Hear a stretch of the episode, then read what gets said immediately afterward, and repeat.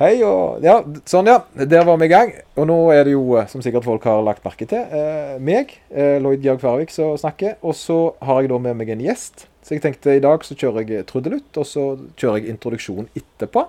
Dette blir bra. Trening og livsstilspodden. En podkast av PT Service fra hjertet i Stavanger. Hei og velkommen til trening og livsstilspodden med meg, Lloyd Georg Færvik, og Og Åsmund Tveitevold. Ja, hallo, hallo. Hallo. Ja, nå var jo Moritz ganske snurt når, eh, når han ikke fikk være med på denne fredagsbåten, men uh, jeg syns det var en, uh, en god vikar, om uh, for å si det sånn. Jo, takk. Jeg har jo spurt deg om, om du ville være med, og da sa du ja med en gang. Og, det, og så har vi prøvd å omrokere litt tid og finne ut noe som passer for begge, for du er en travel mann. Mm, ja, ganske. Så er det sånn eh, Jeg tror alle som er gjest her, eh, eller alle som er gjest på sånn podder og sånn, de er litt nervøse, ikke sant? De er litt sånn, de gruer seg litt. Ja, det er litt skummelt. Ja, det er det. Og så har en sånn regel at hvis det er noe jeg gruer meg for, da sier alltid ja. Ja, Å ja, det er Det er, det er en veldig god regel. Ja, men vet du, når du kom i dag, og det er helt ærlig, når du kom en døren jeg så du parkerte med bilen, så kjente jeg det i magen. Eh, og det er litt rart, for det, vi har jo, vi har jo uh, truffet hverandre ganske mye, my opp igjennom. Vi kjenner jo hverandre litt. Ja, jeg tror vi traff hverandre første gang på Bjørns gym, Ja. Ja, når jeg drev det i, eh, der oppe med rundkjøringa der. 2000 og Ja, hva er det? 20... Nei, ikke 20. Nei, 2014? Nei. 9?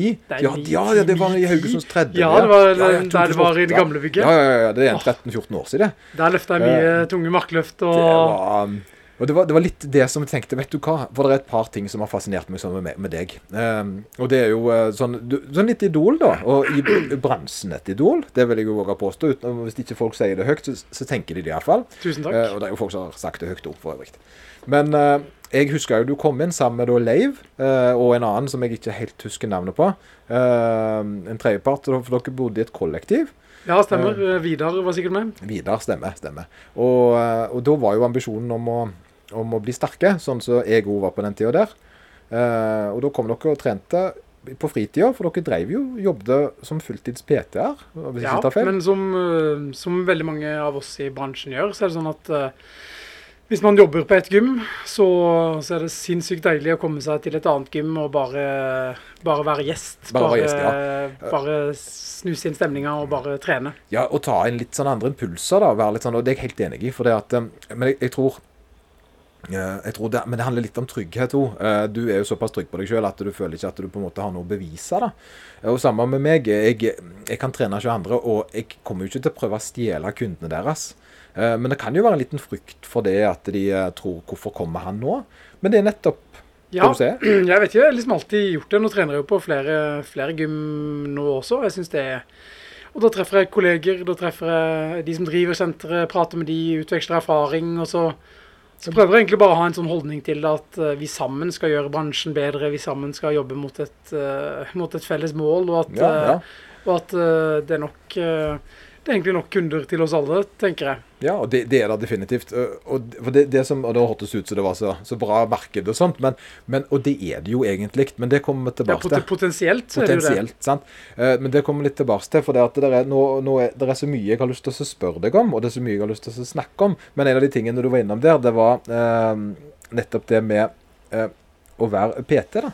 Eh, for du har jo vært PT i, eh, i, i eh, mange år. 22 år, kanskje? Ja, og, Ja. Du, og, du var jo, og da var det ikke så vanlig å være PT. Nei, når, når jeg begynte som PT, da hadde jeg et sånn, eh, et sånn eh, kurs fra Norges treningssenterforbund. Husker du en gul Ja, bok? en- Den, ja, den eh, husker jeg. den Den hadde jeg faktisk fremme Det, ja, for da gikk vi også stempla, og så kunne vi trene gratis på andre gymmet. Ja, stemmer Jeg husker det var kjempeviktig, Ja, ja, og det var veldig gøy. Men det var en sånn, en sånn artig tid, for det, når jeg drev det senteret der, så jeg kjøpte jo det Jeg var ganske, jeg var bare et par og tjue når jeg starta det. eh, og hadde jo ingen peiling på noe som helst, bortsett fra at jeg likte trening, da. Mm. Eh, og, og da var vi jo mer Det var mer forbundet med trening, altså lidenskapen til trening. Og så var det jo ikke noe sånt Det var jo um, Elixir, hva det heter da? Eh, Sportsklubb. sportsklubb. Ja, Mm. det var sportsklubb som på en måte var litt stor i regionen, som senere ble Elixia. Og senere da ble eh, Eller hadde det et navn imellom? Mm, nei, jeg tror ikke det. Nei. Og så hadde vi dere Lifestyle eller noe sånt Lifestyle, ja. borti gata her. der husker jeg det var noen som drakk øl. eh, det var det- For det var enten Bjørns jeg skulle begynne å trene på, eller Lifestyle. Men da var det noen som drakk øl eh, og skulle mak makse i benkpress. eh. Og dette var ikke Bjørns, da, for dere trodde det var Bjørns, men, men det var jo da Lifestyle. Og da ble jeg litt redd. Så da dro jeg heller på den tryggere plassen, som da var Bjørns. da. Mm. Og det hadde jo heller ikke det verdens beste rykte på seg. Men det var jo fordi det var styrkeløftere der, og det var gjerne kjent for å være en plass der folk tok i litt. Og det var den type trening da var heller ikke vanlig da. Så vi kom jo liksom litt i en litt sånn, litt sånn starten på en, um, en ny type geskjeft. Ja, jeg tror uh, treningssenterbransjen, eller helsestudiobransjen som det het Ja. den gangen, uh, var veldig sånn stereotypt. Og det var en spesiell men type mennesker som, som gikk der. Det var litt rar hvis du på en måte hadde sånn den, den populariteten du har fått nå, hvis du hadde den da, så var du nesten litt sånn ikke-røyker og veganer på 80-tallet. Det var jo På en måte eh, var du det, var litt sånn eh, Hva er det som feiler deg, Du liksom? hadde Goldskim-singlet, kanskje. Ja, sant. Det var det, for du kjørte det helt ut, da.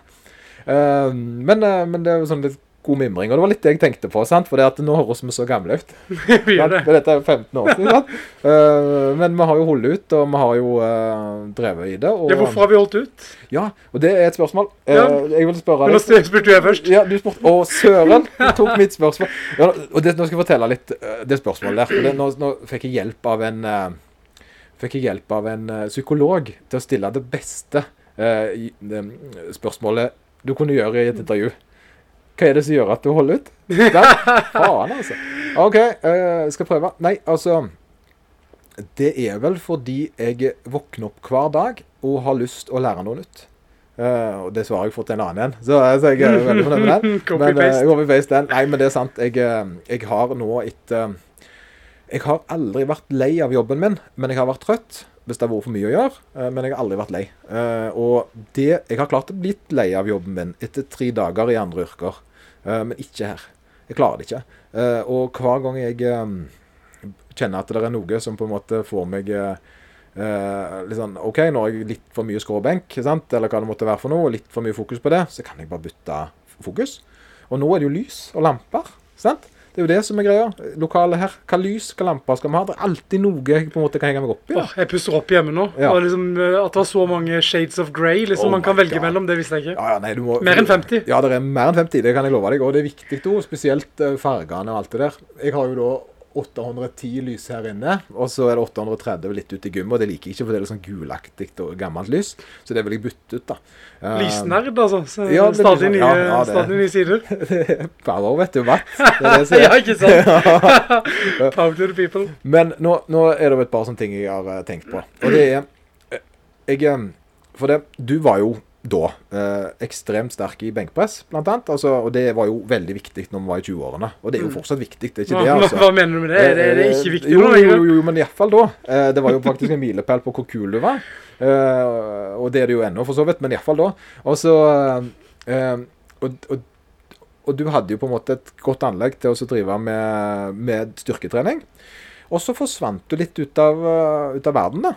Det var jo Leiv han ble igjen, og så forsvant du litt. Grann, og jeg jobbet med mitt, og vi på en måte, vi, vi så, treftes ikke før Jeg fulgte jo litt med på Facebook, og sånn, men så så jeg jo at du hadde funnet litt kondisjon. Mm. Sant? Eh, og så var det jo egentlig ikke før jeg sjøl fant kondisjon mange år seinere, at jeg på traff deg Du var tilfeldigvis i publikum. eh, Ja, stemmer det. Ja. Når du kom løpende inn Hafrsfjord. Ja, jeg kom, eller ja, Vraltan inn, om du vil. Eh, og da så jeg det igjen, og så tenkte jeg og Det var da jeg på en måte tenkte litt, altså For jeg, hadde, jeg syns jo det var litt rart når du tok det på en måte valget, om du vil, da. Eh, du tok et valg, følte jeg, for det, det stemmer jo ikke, eh, å gå litt mer i en annen retning. Og det er litt nysgjerrig på. Hva, hva skjedde der? Nei, så jeg tror mye av utgangspunktet det, det er nok flerdelt, da. Men hvis man starter med det man kaller uh, the law of diminishing returns, Oi. altså uh, jo mer man jobber med noe, jo, jo mindre fremgang vil man etter hvert eh, få. Ja. Er du med? Ja, jeg er med. Ja, ja. Altså. Vi kom til, kom til et punkt der eh, hvis jeg skulle øke fra 240 kilo i benkpress til 242,5 i benkpress, så var det et halvt år med, med trening som måtte være veldig nøye planlagt. Og fokus, fokus. Gud, Gud forby hvis jeg ble, fikk eh, influensa uka før jeg skulle perse. Liksom. Da, var det da, var, da var det ødelagt, ikke sant? Og det, og det er jo reelle tall du snakker om her. Det er jo ikke oppdikta tall. Nei, det, som, det, ble liksom en sånn, der, en sånn veldig kamp, og veldig mye, veldig mye måtte dreie seg om det å bli sterkere. Og, og um, Jeg tror det som fikk meg til å begynne å like Det som fikk meg til å begynne å like trening når jeg var uh, ung, det var jo det der målbare. Ikke sant? Ja. Um, det første jeg begynte med, var å løpe. Da, um, du begynte først med det? Jeg begynte først med det, ja. Okay, ja. Og da var jeg en liten, tjukk, uh, tjukk 13-åring. Skikkelig liten. Ja, det, det der, men er, er det ikke alltid det, da? Ja, det er alltid det. Ja, ja, for jeg var jo en eh, ikke fullt så liten tjukkas sjøl, som mm. hadde sett Arnold og, ja. bære på en tømmerstokk i Commando, og så var det jo gjort. Jeg kjøpte, jeg kjøpte Let out some steam, Bennett. Oi, oi, se der, se der. Ja. Nei, eh, det, det begynte vel egentlig med, med, med at jeg ble lei av å være en liten tjukkas. Og så, eh, så fikk jeg med min farmor som trener. Din farmor som trener? Ja, og det var ingen kompetanse på akkurat det, men Nei, nei, hun var jo glad i meg, så hun ble med meg på løpetur. Ja. Jeg løp, og hun gikk, og vi kom i mål omtrent samtidig. Så det var ganske begredelig form. Nei, nei, men det var ganske kult, da. Ja, det var kult. jo, Ja, ja. eh, Så, Da, da løp jeg på altså, det 23,41 eller et eller annet sånt. En, sånn, en sånn høy tid jeg brukte på en sånn eh, 1,8 km runde i skogen. du er 23 minutter? Ja, 23 Ja, minutter. ja, ja, ja, ja, Så det gikk, det gikk seint, ikke Så sant? du hadde, det var ikke sånn at du på en måte eh, ramle opp i noe At dette var et supertalent til ditt? Nei, nei, nei, nei, det var helt håpløst egentlig. Men min far drev med løping, så, så jeg hadde jo liksom en relasjon til det fra Ja, før, da. ja, for det er det jeg er litt nysgjerrig på. Nå skal jeg ta så legge kam fram kameraet, så du må snak snakke litt om Ja, farmen. Så skal jeg bare fikse det. Jo, men eh, altså, tilbake til farmor, så, så, så løp jeg dagen etterpå. og Da kom jeg vel i mål på eh, 22 minutter blank, eller et eller annet sånt. Og så, så løp jeg dagen etter der, og så gikk det enda litt fortere. Og dagen etter der, og så gikk det enda fortere. Og så skrev jeg treningsdagbok, og den treningsdagboka den har jeg faktisk hjemme ennå. Og um, når jeg da skjønte at eh, det var egentlig bare å trene, så ble man, så ble man bedre. Og da gikk det liksom opp et sånn aha for meg. ikke sant? Så da bestemte jeg meg for å løpe hver dag i, eh, i et år. Og så endte jeg vel opp med å løpe hver dag i, i to år. Og i løpet av tre måneder eh, så var jeg faktisk eh, Ja, fire måneder var det kanskje. Så var jeg faktisk med på et løp. Og eh, kom på fjerdeplass i, min klasse og blant veldig mange deltakere. Skagerrak-mila var det. Ja. Og da løp jeg mila på 41, 40, 41 minutter eller noe sånt. Ja, ja, OK, så det var ditt første løp, det. Ja, ja, og det ble, ble kjempe, kjempe, oh, kjempefort ganske god til å løpe. Men yeah. jeg raste jo ned i vekt. Da veide jeg kanskje 55-60 kilo. ikke sant? Det ble en liten spirrevipp. Ja, ja, ja. ja, ja. Og så må ta det litt der. Her er det for jeg prøver å filme litt, Ja, grann, ja, en liten ja, sånn ja. filmsnutt her, da, så det er jo greit så, så folk skjønner hva som skjer i bakgrunnen. Men, men OK. Um, Men for å fortsette der, Ja. så tok jeg det videre til Så begynte jeg å trene styrke, da. For jeg kjøpte, jeg kjøpte boka Bill Pearl, 'Veien til Mr. Universe'. For den var litt billigere enn uh, The Enclopedia of Modern Bodybuilding med Arnold Schwarzenegger. Så det er ikke, den har jeg jo nå. Nå har jeg råd til den. Men det er det ikke den gangen. så da kjøpte jeg den. Og så kjøpte jeg meg en York benkpress og et eh, sett med York eh, vekter for konfirmasjonspengene mine. ja. Og så begynte jeg å trene styrke. ja. Og derfra ut så var det egentlig bare styrke som, som Da ble du solgt på en Ja, måte var det, solgt. Det var ja, ja, ja, fantastisk. ja. Det kunne øke én. Jeg hadde kjøpt sånn 0,25 altså 0,5 kilos vekter. Altså jeg kunne øke med veldig lite av gangen. Jeg hadde alltid fremgang. Jeg førte treningsdagbok fra dag én, og jeg syntes det var helt fantastisk. Alt man, altså man bare kunne trene, så ble man bedre. Ja, ja, Noe så ja, ja, ja, enkelt. Ja, ja. Helt til man da kom til den fasen der man måtte trene et halvt år for å øke 2,5 kilo. Ja, og det, og det tok jo noen år senere, senere da. Det var, for det var jo en reise, forhåpentligvis, dette her. Ja, ja, det var en lang, lang fin reise. Og, og, men til slutt, til slutt så kom man, kom man dit. Og um, samtidig med det så husker jeg jeg var i, i Chamonix og sto på ski. Og så skulle jeg stå ned den svarte løypa. Det, det, det, er på en måte vanskelig løype. Ja, det er en vanskelig løype, da, men jeg var Ja. god på ski, og jeg har jo vært skitrener og sånne ting. Så, så skitrener òg? Ja, ok, ja, ja, hvorfor ikke? Nei, nei. Hiv på ting jeg ikke visste. Men greit. så, så jeg var jo god på ski, da, men jeg ble så sur i låra av å stå ned den løypa. Altså, og så følte jeg meg som den atleten. Altså, jeg tok jo masse kilo i knebøy og markløft og, og var sterk i alt, følte jeg liksom.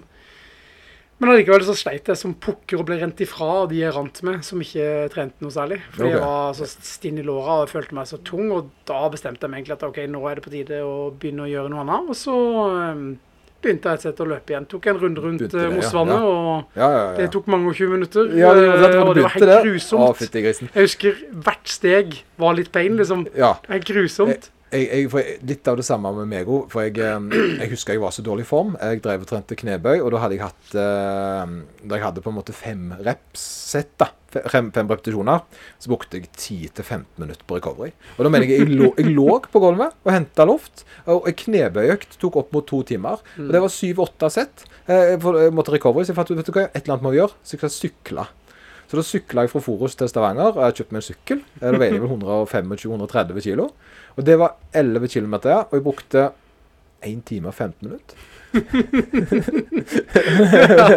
Det er deilig. ja, det er jo så crazy, vet du. Og det som, er, det som er deilig, det er jo at når man begynner eh, på, på gulvet, sånn som vi gjorde da, begge to, så får man fremgang med en gang. Ja, det var jo, gikk jo fort bedre. Det skal jo være sagt, da. Så det, det, det, det, er, helt, det er helt fascinerende. Og det, og det var det jo ingen tvil om, for til framgang har du jo fått i løpinga. Men Ja. er du kommet der til point of diminishing returns der, eller? Ja, jeg, jeg ville der at uh, Jeg tenker jo, jeg har alltid tenkt sånn at uh, jeg må for enhver pris bevare min egen treningsglede. Ja. For hvis jeg beholder den, da beholder jeg jo gleden med jobben min, som jeg er veldig glad i, og, Ja. og, og sånn. Så, så jeg prøver ikke liksom tappe alle ressursene med en gang. Jeg prøver liksom å beholde, beholde gleden med det. Ja, Og da er jeg ikke så opphengt i, i øh, å perse i Nei, løping nei, nei, nei, nei, perse i men, styrke. Men, men du har et lite sånn overhengende mål, forsto Ja, altså jeg. jeg skal eh, etter hvert, kanskje i år, eh, i løpet av samme år, januar til desember, eh, løfte 200 kilo i benkpress. Det har jeg allerede gjort. Ja, det har, du, det har jeg sett. Det så jeg. Ja, gjorde 200 jeg- kilo. Ja. Det gjorde jeg nettopp. Og det er på en kroppsvekt på Ja, da er det rundt 88 88. kilo. Ja, da er ganske... da veier du mer enn meg, du vet det. Nei, gjør jeg det? Ja. det, Det har du ikke trodd. det, Det, det, det, det, det, er det er det. Det cirka når han ble født sist. Ja, ja. Men OK. OK. Ja. Nei, og så samme året som det, så vil jeg da løpe maraton under tre timer. Under tre timer, ja. Ja. Og, og det er da 44 km på under tre timer. 42 km, 42, ja. Så det er en Ja, eh, snittfart på, på rett under 15 km i, i, eh, i timen, da. Det er altså Det er fort, altså. Vet du hvor det tallet kommer fra? Vet du hvorfor jeg, vet du hvorfor jeg vil eh, løpe Ja, og det er en for deg, ja. ja. Ja. Uh, nei, få høre. Det, jeg har ikke, vet ikke hvorfor du vil. Um, Nå prøvde jeg liksom tenke meg å komme på en sånn tåredryppende oh, historie, men det gjorde jeg ikke Men, men grunnen, den egentlige grunnen det var det at uh, Lance Armstrong, når han uh, la opp som uh, syklist Ja. Lance vant jo da syv titler i Tour de France. Ja. Måtte gi de fra seg, men, ja, måtte, ja, ja, men han vant de først, og så men de ga det ikke videre til noen, for Nei, det var liksom ingen å gi den videre til som Nei. ikke var tatt i doping. Men iallfall når han når han, altså han hadde jo en Nå er jeg jo idrettsfysiolog og, og driver mye med fysiologisk måling, men han estimerer vi at hadde en, en O2-opptak på 100 milliliter O2 per det- kilo kroppsvekt. Det er jo enormt mye. Det, men, det, det er bra. Det er bra. Det, det, det, er sykt. ja, ja, ja. Det høyeste som er, som er målt gjennom tidene i, i verden, er Bjørn Dæhlie med, med 96. eh, Ok, og, og, og Miguel Indurain med 93. Ja. Så da, vent da, da tar vi og kjører en liten, en liten på det. Kan du forklare litt hva det er for noe? Eh, for det at du har jo altså det, det, ja, detaljene du snakker om. Ja, ja, altså det vil si eh, det et, Mange kaller det for oksygentallet. Altså eh, hvor mye oksygen kroppen din klarer å forbruke i løpet av eh, ett minutt. Ja. Og Og det, det er fordi at eh, oksygen det brukes i kroppen til å omdanne et lite stoff uh, som heter ATP, til, eh, eller til energi. Du danner ATP, da. ja. Så du, når du springer, så bruker du mer oksygen rett og slett enn når du går, og jo fortere du springer, jo mer du, oksygen. hvis, du tar på, hvis du går på en tredemølle, så tar du på, et, eh, på en sånn O2-maske, og så begynner du å gå. Ja. Så vil du da måle at du kanskje bruker eh, 17 milliliter, opp 17 milliliter oksygen per Ok. eh, minutt. Ja, ba, per kilo ja, kroppsvekt. Liksom. Ja. Og så øker du farten litt, og så går du kanskje opp til 30. Og så kommer det opp til 40, og da vil de fleste mosjonister flate ut. Ja. Kanskje komme opp til 45, og så kommer man opp til rundt 60 etter hvert. Og da er man en godt trent eh, Oilers-spiller, eller Viking-spiller. OK. Ja. Og Så de såpass til, OK. Ja, ja, ja. Så kommer man opp til 75, og da er man kanskje oppe på Marit Bjørgen-nivå. Oh, shit, ja. Og så er man oppe på noen og 80, og da er man på de gode norske syklistene. Ja, for det har jo litt med ja. Så Er er det kjønns, eh, er det kjønnsspesifikt? Det er kjønnsspesifikt og eh, avhengig av idrett. Ja. Altså Michael Phelps var jo kanskje verdens best trente mann en gang, men han hadde ikke mer enn 70 O2 i vannet, da, fordi Ja, okay, idretten ja. hans krever ikke så mye oksygen pga. det tekniske elementet ja, osv. ja, ja, ja. Opp til eh, de som faktisk er flinkest, og det er jo da syklistene og uh, langrennsløperne. ja. Langrennsløperne er- de bruker hele kroppen, og de bruker mye oksygen. De bruker, så, så det er litt når hun eh, Hva hun hun, hun heter igjen? Hun som begynte hun ganske kjent, ikke Marit Bjørgen, men noen andre. Therese Johaug. Therese Johaug hun begynte med løping nå. Mm. Uh, og det er vel Hun har på en måte et oksygenopptak som kan rettferdiggjøre det. Så hvis du får en god teknikk på det, så kan du Hun er da bedre trent eh, O2-messig enn de beste løperne. Ja. Og sikkert bedre O2-trent enn de beste afrikanske jentene også. Så Ja, ja. egentlig så kan hun bli best. Men så er det flere faktorer som avgjør om du er god til løping. Arbeidsøkonomi, altså du må ha en god teknikk som bruker veldig lite O2 per eh, kilometer. Det vil jo være en kjempefordel. Det kommer Og- jo gjerne med erfaring. Det kommer jo da med ja. mye mye trening. Ja. Eh, sånn som Paula Rodcliffe, når hun satte verdensrekorden sin på, på maraton, som sto i veldig veldig mange år, så hadde hun ingen forbedring i verken anarob terskel, altså hvor Nei. høy andel Ja, av oksygen, maks VO2 du kan løpe på uten å stivne, eller VO2 maks. Men hun fikk da en bedre og bedre teknikk og Ja, mer og altså mer effektivt eh, ja. Kult. kult. Så, um, men nå tror jeg vi spurte veldig. Ja, men jeg, jeg eh, likte det. Jeg likte det. Altså, jeg tenkte jo at vi skulle vi kan ikke bare snakke om eh, når meg og deg spiste softis, skulle jeg til å si. Det, jeg syns det er litt gøy å så- vise litt bredden i det du holder på Ja, med, ja. eller kunnskapen din. da. Det er litt det som var gøy. Hvor, men hvor, eh, hvordan henter vi oss inn igjen? Ja, men Lance Armstrong, vet du, han Ja. hadde 100 i Ja, opptak ja. Ja, og og han la opp som, eh, når han la opp som eh, syklist, så eh, Han drev med triatlon før det. Ja, Han drev med triatlon først, han. Ja, han Ja, okay. gjorde det. Han slo gjennom som sånn 15-16-åring og, og slo omtrent verdenseliten i, i triatlon. Han var helt Jesus. rå, og han har jo et vinnerinstinkt som ikke ligner eh, grisen. Altså et skikkelig sånn eh, vinnerhode. Det, Eh, det er noe spesielt. men Det er noe spesielt. Ja, Han gjorde det for enhver pris. Ja. Han gikk over lik for å, Ja. for å vinne sine trofeer. Ja. Han var skikkelig ufin. Eh, Hvis ikke dere har sett eh, dokumentaren 'Lance', ja. på, som ligger på NRK og BBC, så vil jeg definitivt sett den. Den er fantastisk.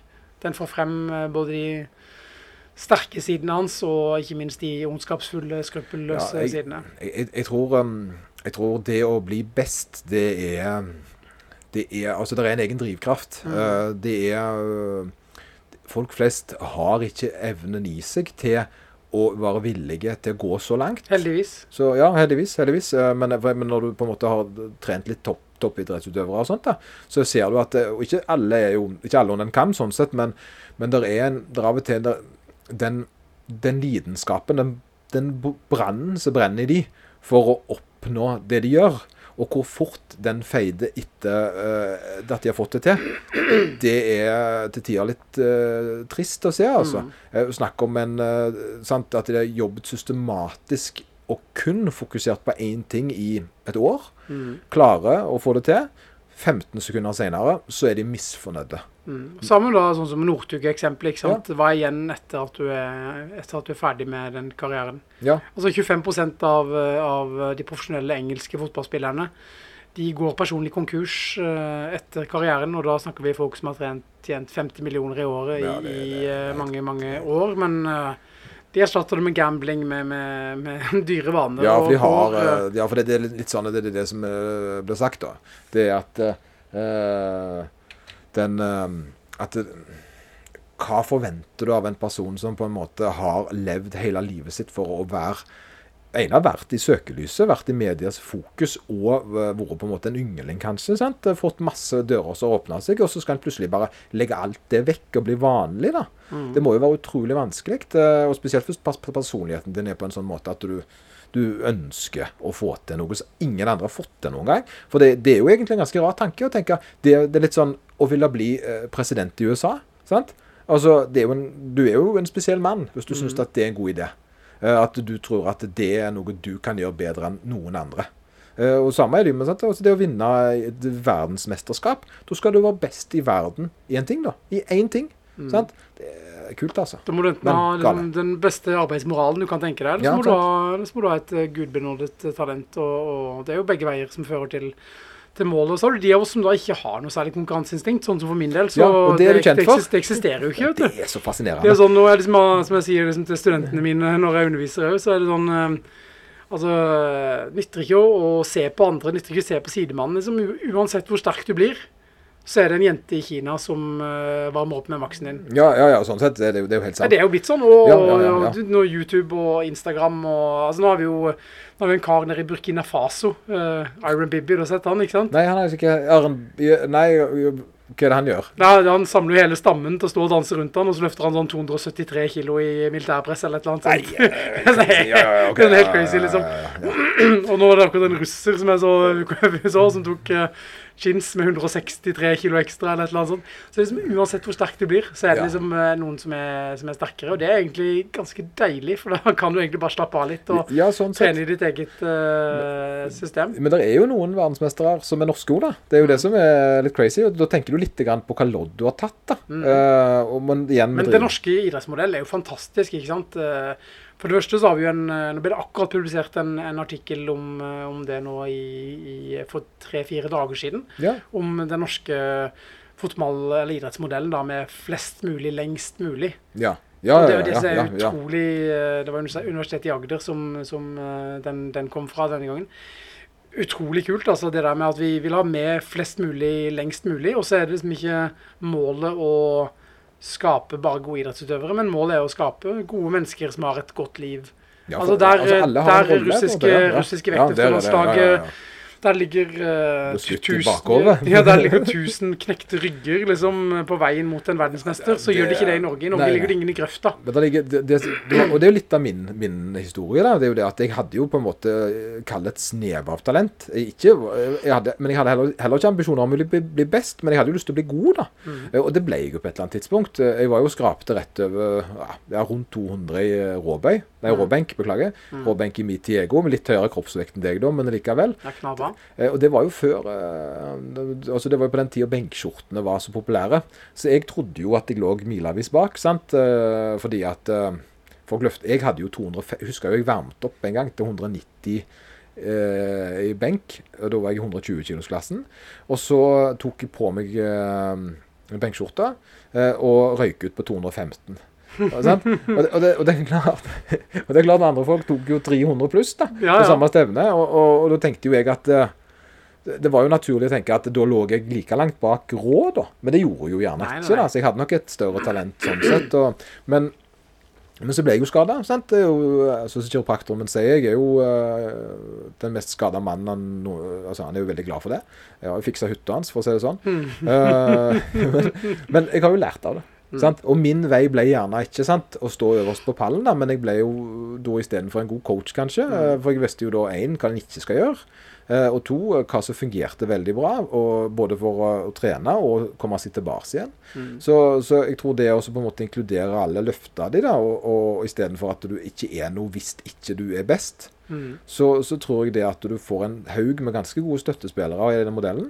Mm. Eh, Ja, ja, nei, uten tvil, uten tvil. Og eh, jeg har liksom alltid sagt at um, når Norge får en verdensmester i, eh, i turn for jenter, så har vi gjort veldig mye galt. Det har jeg liksom alltid sagt. Og, Ja, sånn, ja. ja. Du skjønner poenget, skjønner, ikke sant? Altså, ja, ja, ja, ja, ja. Det er noen idretter som krever eh, for mye for tidlig, og for mye spesialisering for tidlig, til at, uh, til at vi det, faktisk ønsker å være i toppen, sånn som jeg ser det da. Ja, det, det er jeg enig i, spesielt i turn. Det er Selv om tendensen har jo vært at noe som Biles, da, som er med, at det er noen eldre, eldre turnere som nå er veldig gode. Ja. Som ikke er så unge og så lette som, det, som er de, de små lette rumenerne var på, på 80-tallet. Men det er jo litt artig, for det at eh, templeten på hvordan en person skal se ut når han gjør ting, den er jo satt i stein. Mm. Helt til en ny verdensmester trer inn, og helt motsatt. Mm. Sant? Og det tenker jeg jo alltid sånn som Marte Elverum, da. Jeg vet ikke om du vet hvem hun er? Ja, ja. sant? Hun, hun er jo ikke en klassisk eh, bygd fysikk for gjerne å bli best i sin vektklasse, men, men hun er jo det. Sant? Eh, og, og jeg syns Kristoffer Eikeland, f.eks. eksempel Han er jo best i benk og markløft. Mm. Og den komboen der, den syns jeg er sjelden. Den er uvanlig, Ja, ja. På, på samme måte som en da, som tar 200 i benk og springer da, det, det du gjør, da, Mm. så er det på en måte alltid sånn forbanna unntak. sant? Uh, så det blir litt sånn uh, Uansett hva Lodd har fått til livet, så er det jo alltid en eller annen kødd som har fått det til uansett. Stemmer, stemmer det. Det er litt deilig, for det, Ja. det, det tar egentlig litt press av oss. Så kan vi egentlig bare konsentrere oss om å, å bli en god utgave av oss selv. Ja, sin egen reise. Ja, ja, ja, ja, ja sant? Ja, men jeg sier positivt det er bare, Nei, men det er sant, altså. Ja, ja, Det, det er sant, Jeg kødder litt, men, men, men det er sant. Men uh, tilbake til Lance Armstrong, da. Ja, tilbake til Lance. Ja. Han, uh, han løp jo da New York Marathon det året han la opp som syklist. Ja, han, ja, det gjorde han selvfølgelig. Ja, da, da eh, kom han inn på to timer og 59 minutter og 53 sekunder eller et eller annet sånt. Rett under tretimersgrensa. Ja.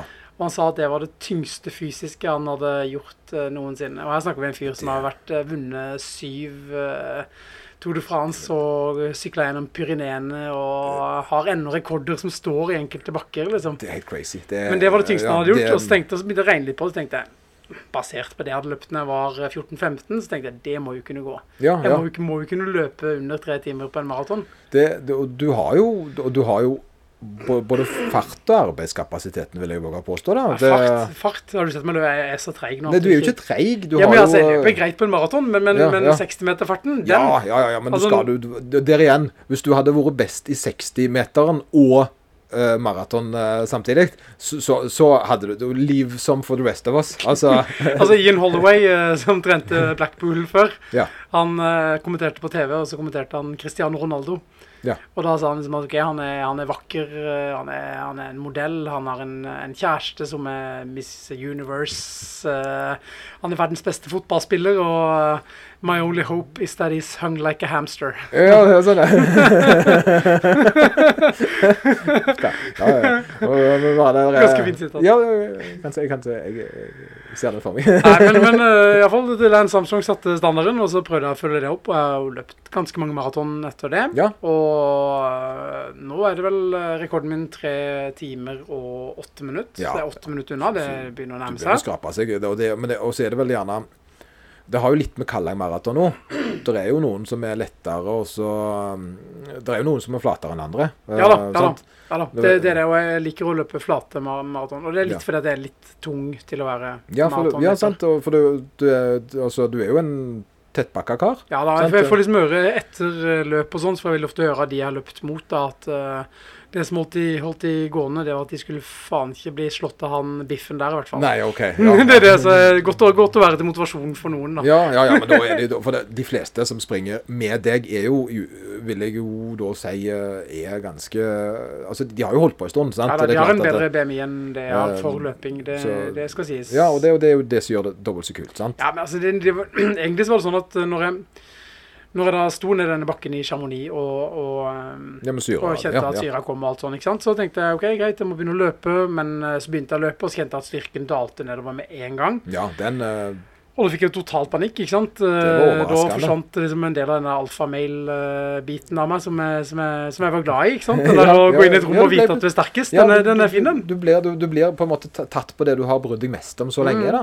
Så da fant jeg ut ok, greit, da må jeg gå litt senere frem. Da må jeg liksom begynne å tenke ok, hva kan jeg gjøre riktig for å, for å unngå det. Og så begynte jeg å trene smartere, bedre, og interesserte meg veldig mye for det vi kaller concurrent training. Ja. Og det var senere det jeg mm, begynte å forske på, og det det jeg har eh, skrevet det er kommet den, så langt jeg er kommet på, på doktorgraden min eh, Ja. i idrettsvitenskap. Da er det concurrent training, altså hvordan man trener eh, kondisjon og styrke sammen Det uten at de kolliderer for mye. For det er, egentlig er det to forskjellige ting. altså egentlig er det Ja. to forskjellige kvaliteter. Det ene vil at du skal ha store muskler Ja, det jo uh, med ja, det lav mitokondrietetthet, og, og altså disse små kraftfabrikkene som skaper heter vel ikke eh, to A og 1A lenger. og Det heter vel andre ting, gjør det ikke det? Nei, nå er det Altså, jo blitt syv forskjellige. Ja, okay. Ja, ja, ja, nei, det er mange typer. Men det, man vil gjerne ha um, ha veldig tynne muskler, muskler med høy tetthet av blodårer, høy tetthet av, Ja, av mitokondrier når man skal løpe, og det motsatte når man skal trene styrke. Så det, er egentlig så jobber de mot hverandre, og da er det så jæklig spennende å finne ut av hvordan kan man trene og faktisk eh,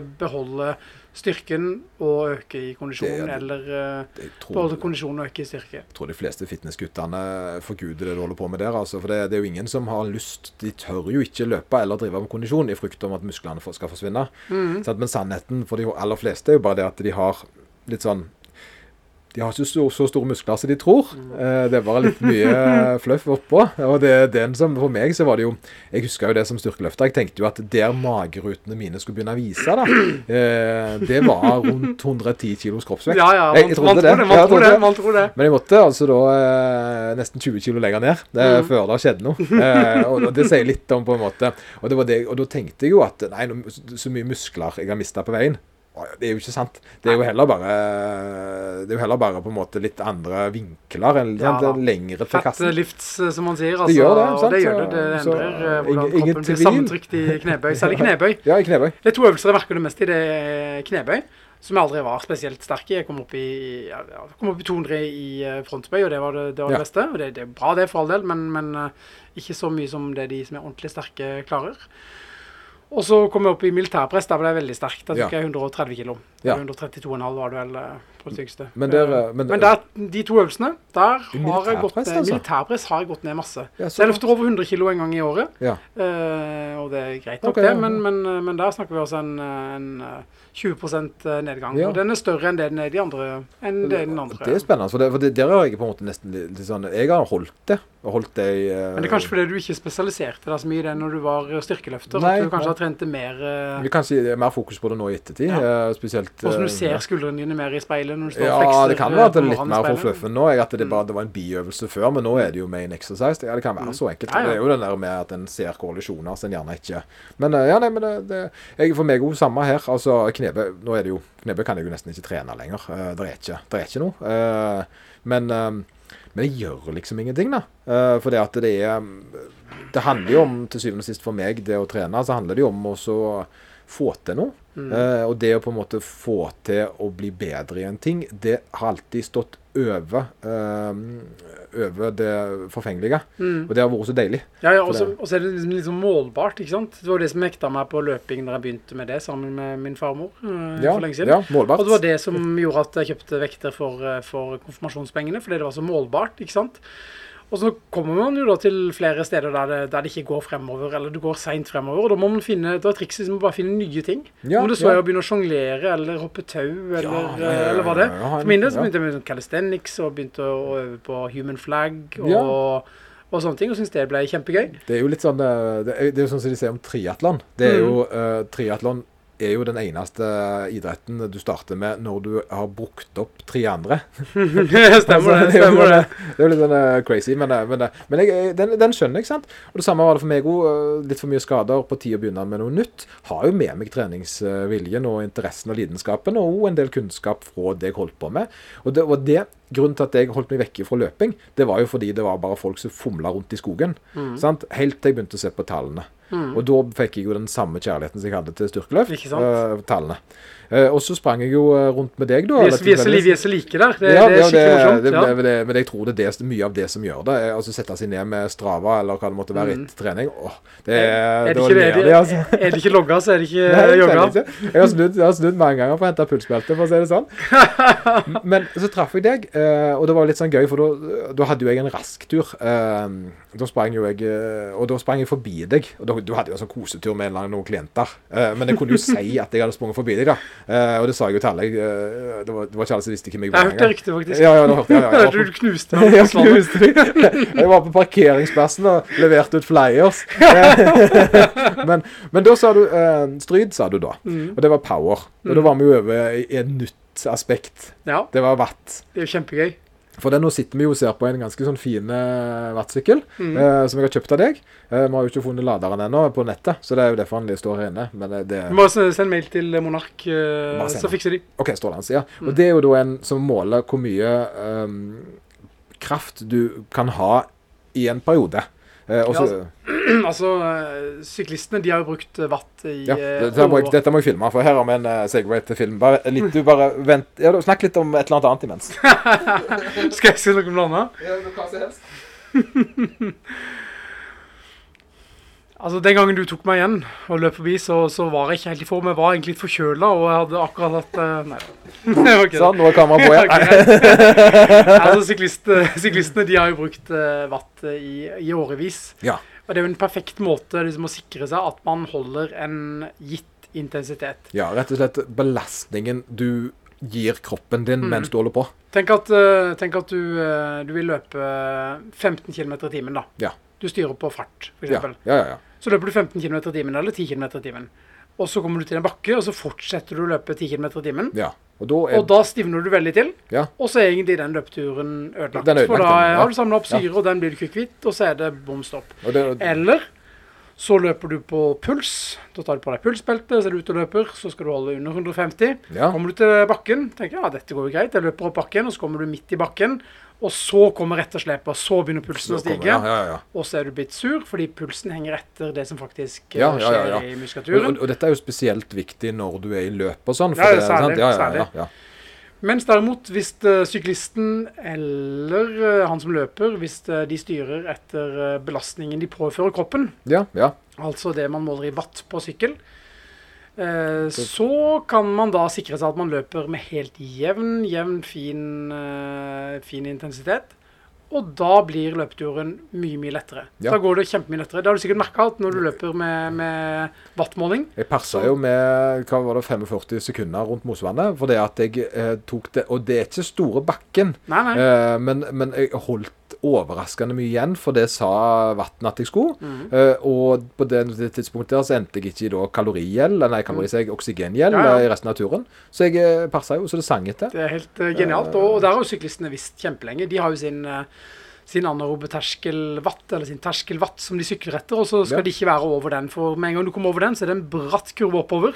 Ja. Og plutselig så blir du veldig sur og får eh, ja, det vi kaller Vi, vi sier jo for melkesyre. Det er ikke akkurat det som Nei, skjer, det er men, men vi, vi kaller det jo det.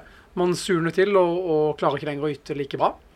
Og eh, det, hvis man holder seg under denne terskelen, så går det bra. Ja. Og både meg og du, vi løper jo litt på sånn watt-terskel, og det måler vi med en sånn liten eh, fotpod som man setter Ja. på, på foten, som heter Stride. Ja, den har, den har jo vist seg å være eh, Genial ja, oppfinnelse. Ja, ja, altså jeg kjøpte, jeg tror jeg var den første i Norge som, fikk, eh, som kjøpte Stride. Ja. Eh, og med en gang jeg prøvde den én tur, så var jeg helt hekta på hvor nøyaktig den var på distansemålet. Det var, som skremmende. Det var det- på en måte det, det, var, det var derfor jeg lukta på det, for jeg hadde mista min Garmin Footbod. Mm. Da. For det, det å ha å, å, å springe etter GPS, det, det er ikke Nei, det nytter ikke. Altså kommer du rundt eh, en lang løype, ikke sant? så har du løpt eh, 20 km, og så har du på nåværende kilometer på klokka. Så kommer du til et skogsholt, Ja. holder fem blank tempo, stortrives med det.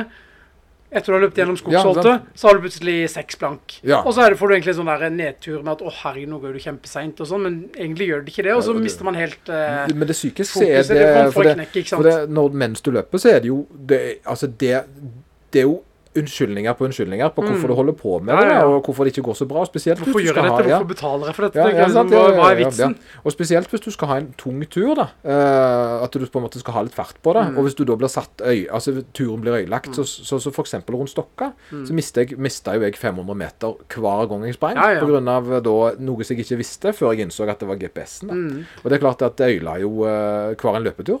Så når jeg løper min, min stride, altså jeg har kalibrert den flere ganger, og du ser at øh, jeg faktisk ender opp med, med sånn, øh, på en 1000 meter helt rett, der jeg løper på en rett linje, så ender jeg opp med, med 1000, øh, 1002 meter, 1001 meter, 999 meter. Altså det er så sykt nøyaktig. Ja, ja, ja. Og det er deilig, Ja, for vi gutter, vi liker å måle ting. Ja det, vi liker å måle, den nøyaktig, ja, ikke ja, sant? ja, ja, ja, ja, Eh, ja. Det går jo an å stile han sånn at han gjerne tar en 120 da. Ja. Eh, men da står det iallfall at Strekker han det, liksom, ja, ja, ja. Jo, men det er sant. Men, men nei, så er jeg veldig glad i striden. Det er kanskje mitt beste, mitt beste løpskjøp, eh, tror Ja. jeg. Altså, det er jeg utrolig glad i. Ja, og det, og det, det er jeg enig i, for det, jeg, jeg syns det. Og det, det å løpe generelt, um, å ha en sånn forståelse for hvor mye en uh, Det andre er jo Han er jo ekstremt nøyaktig i forhold til altså, å estimere hvor fort du kommer til å løpe. Mm. Eh, og det er jo fascinerende. Ja, nå, nå var det en av de beste løperne her i Rogaland, Sindre Jørgensen. Ja, ja, ja. Han løp akkurat en, en eh, maraton, en mandagsmaraton, så han eh, skrev, ja. på to timer og noen og 40 minutter. Det begynner å bli fort. Det det, bli fort. det, ja. det er jo helt enormt imponerende. Det er applaus for det. Han er helt uh, rå til å løpe. Og da så han posta på Stride sin Facebook-side. Eh, Ja. Da hadde han tatt en screenshot av hva Striden trodde han kom til å løpe på. Ja. Og det var da 20 sekunder eh, ifra det som han faktisk eh, løp på. Det er crazy. Og han brukte jo da Nei, det, det er Og han løp da på, Ja, løp da på, på watt eh, hele veien. Han bare uh, sikta inn på en watt, som Striden sa, og holdt Ja, han har eh, rett og slett fulgt det. Og det var det, for jeg var, jeg, Nå har jeg jo fått endelig stilt han inn, da. Han var litt vel eh, høy på meg, for jeg hadde ikke tatt den her Eller måtte ta en kalibrering for at den skal være ja, nå, før kalibreringa. Altså, var nok litt vel uh, ivrige på hva jeg skulle klare. Og så prøvde jeg det, og så ble jeg litt sånn, uh, fikk, gikk jeg på en smell fordi at det ble for mye. Men da fant jeg ut etterpå at det var jo jeg som ikke hadde kalibrert den nok. da. Mm. Uh, men nå er han kalibrert, og, da, og det er det morsomt, for da vet jeg jo at hva vei det går Mm. før det har skjedd. Og det er noe med å gå inn og vite at hvis jeg holder den vatten her gjennom den turen der og For jeg legger jo inn uh, løpet jeg skal springe, Mm. eh, og de ligger klart. eh, sant? Når jeg skal f.eks. ha Sola-løpa, for den ble jo utsatt og utsatt, utsatt, Ja, ja. heldigvis, for jeg er jo alltid skada. Akillesen nå, Ja, nå. Ja, ja, ja. ja. Så, men den det er ikke verre enn at jeg kan eh, kan løpe litt, da. Så jeg er kommet der at jeg kan løpe litt uh, uansett. Men da legger jeg inn Sola-løpa, sant? Og så regner han så hiver du det inn i Stryd, og så sier han ja, jeg skal springe denne 10 km, og nå er jeg nede på rundt eh, 48 minutter da, Mm. på 10 km. Og det er for meg så er jo det Ja, det var, du sa at under 50 var, Under 50 et, var eh, mitt, var et, var et mål. ja, det er jo ja, ja. kjempe, kjempebra valg. Så, og da, og da, nå sier han at jeg skal klare det, og, jeg, og når jeg har sprunget da på en måte testturer på 7 km rundt der, så har jeg jo klart å holde den vatten der, så, så det skal gå, altså. Mm. Og så må du være oppsatt, du må ikke oppdatere vekta di på den. Du må Nei, ja, holde ja, konstant ja. vekt. Det har, det har jeg ikke rørt. Jeg det er viktig. han Gus, Gus han har eh, informert om det. Ja, fordi eh, vekten er egentlig ikke viktig for selve fotbodden, for Nei. den eh, bruker egentlig bare akselerasjon og fart. Det er jo et uh, niakse akselometer eh, og gyroskop eh, Ja, som samler fancy, det er vel ganske fancy, fancy som samler, altså. det samler den informasjonen. Og, og den bruker da akselerasjon og fart til å beregne watt per kilo. Ja. Det kan den gjøre uten å vite din, eh, din vekt, Så- så- hvis man kan Newtons lover. Og eh, så hvis man holder vekten i appen konstant, så får man da en, en watt man kan stole på. Stemmer. stemmer. Og jeg har jo gått ned, faktisk, siden jeg fikk stryden, så har jeg jo gått ned eh, seks kilo, da. Oi. Så ja, ja, det har jo av en eller annen merkelig grunn gått nedover. Og, og der er den her argumentet jeg har, det er at jeg går jo ikke ned i vekt fordi jeg har trener mer kondisjon, men jeg har eh, Men min matmengde, den er veldig satt. Og det tror jeg er folk flest sitt problem. Mm, det er at ja, at de liker å spise så mye. Eh, og hvis de er for lite aktive i forhold til eh, det de eh, spiser, så går de opp i vekt. Og for meg nå som på en måte har funnet gleden i kondisjon, og det er jo ikke bare løping jeg gjør, det er jo Ja, det må jeg si. altså Jeg ser jo på Får med meg din, din Strava-account, og der ser jeg det, det liksom plutselig det 10 000 meter roing eller uh, andre crazy ting som jeg aldri hadde funnet på å gjøre. Ja, ja nei, for det, det, det er litt sånn jeg, På grunn av jeg er så pysete i kroppen. Og assault bike, der må Ja. vi på der må vi prate om det. Det, ja, det er beinhardt, altså. Ja, ja, den er jeg fornøyd med. For der, føler jeg meg litt mann, altså. Men det, men det var jo igjen sant, fordi jeg var skada, da. Mm. Uh, og det er jo det som er greia. At eh, du Da må jo ta deg først her. For det er jo neste, det er, sånn, det er mye å være sjalu på her. Men, uh, og det er litt gøy, det. For sjalusi det gjør bare at jeg blir bedre. Uh, også sånn fin sjalusi. Sånn, for jeg, du fortjener det òg. Men nå var det jo stengt ned uh, Da ble det jo stengt ned pga. korona for en tid tilbake igjen. Mm. Og, da, antar jeg at det var kunder du sprang med. Eh, eller venner, eller gudene vet. Ja, jeg løper, løper mye med venner og sånn. Ja. Sånn, eh, Løping har blitt en sånn sosial arena. Ja, ja. Litt introvert ellers. eh, og, og, men løping det er liksom noe jeg liker å gjøre med, med, med venner. Det er liksom en sånn eh, Ja, ja, ja. ja. Så, så, og, og, og, men da, da var det jo det at eh, i den perioden der så hadde du da sikkert mindre å gjøre på. Eh, for da økte jo kilometerantallet ditt. ja. Eh, sant? Eh, og jeg ligger jo putler rundt på eh, målet mitt er rundt 30 km.